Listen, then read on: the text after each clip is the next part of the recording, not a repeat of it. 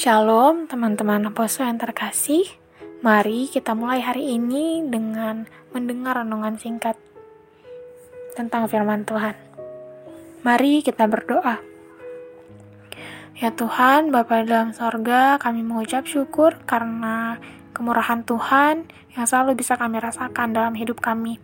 Kini kami ingin mendengarkan firman-Mu, kiranya Tuhan yang berbicara, dan izinkanlah kami untuk mendapatkan hikmat agar kami bisa mengerti firman-Mu. Terima kasih Tuhan. Amin. Teman-teman, topik renungan kita hari ini adalah menang dari frustasi. Kita ambil dari ayat 10 ayat 1 sampai 22. Saya akan bacakan ayat 1. Aku telah bosan hidup Aku hendak melampiaskan keluhanku. Aku hendak berbicara dalam kepahitan jiwaku. Teman-teman, rasa frustasi dan berujung kepada keputusasaan sering kali timbul ketika orang berada dalam situasi sangat sulit. Serasa tidak ada jalan keluar.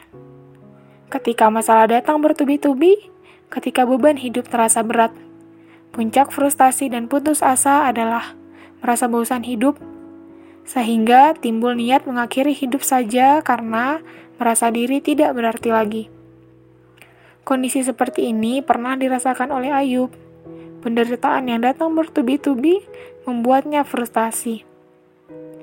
Harta bendanya ludes, anak-anaknya diambil, bahkan istri yang dikasihinya pun pergi meninggalkan dia. Kemalangan Ayub semakin lengkap, sebab sahabat-sahabat terdekatnya juga meranjak menjauh. Ketika ia berada di atas dan berlimpah harta, banyak orang mengerumuninya. Tetapi begitu ia berada di bawah dan jatuh miskin, tak banyak orang mau berteman dengannya. Ia ditinggalkan oleh teman-temannya. Karena telah kehilangan segala-galanya, Ayu menjadi sangat frustasi dan rasa frustasinya itu sampai di ambang batas. Sampai ia merasa bosan hidup. Bahkan Ayub merasa menyesal telah dilahirkan ke dalam dunia. Mengapa engkau menyebabkan aku keluar dari kandungan? Lebih baik aku binasa sebelum orang melihat aku. Ayub 10 ayat 18 Teman-teman, di zaman yang serba sulit seperti sekarang ini, ada banyak orang merasa frustasi dan berputus asa karena tekanan hidup yang berat. Bahkan tidak sedikit dari mereka yang terbersit di hati untuk mengakhiri hidup saja, sama seperti Ayub. Jadi teman-teman, jangan ya sekali-sekali timbul keinginan untuk mengakhiri hidup. Seberat apa pun penderitaan yang kita alami, pasti ada jalan keluarnya. Marilah datang kepada Kristus, karena dialah jalan dan kebenaran dan hidup. Di dalam Kristus pasti ada jalan keluar ada pertolongan, dan ada kelepasan.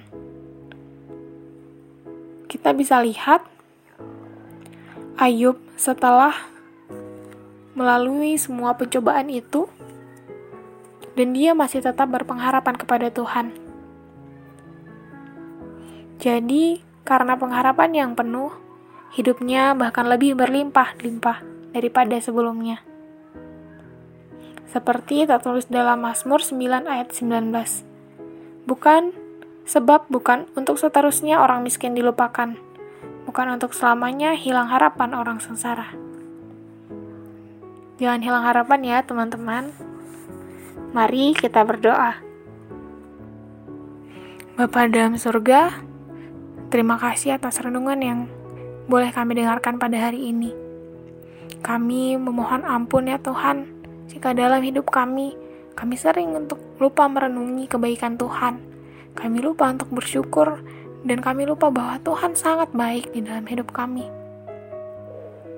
Ampuni kami Tuhan, jika kami pernah menyesali hidup kami, kami pernah menyesali bahwa kami lahir di dunia, dan kami lupa bahwa Tuhan sudah menyiapkan tugas yang sangat besar untuk kami, dan kami adalah bagian yang besar di dalam dunia ini. Ya Tuhan, bimbinglah kami dan ajari kami selalu agar setiap masalah yang datang dalam hidup kami bukan untuk semakin membuat kami jatuh, namun semakin membuat kami bangkit dan semakin memperkuat iman kami terhadap Engkau. Jadilah kehendakmu ya Tuhan dalam hidup kami, dan biarlah kami menjadi alat untuk Engkau bisa memperlihatkan mukjizatmu kepada dunia ini. Terima kasih ya Tuhan, dalam namamu kami berdoa dan mengucap syukur. Amin. Terima kasih teman-teman, selamat beraktivitas. Shalom.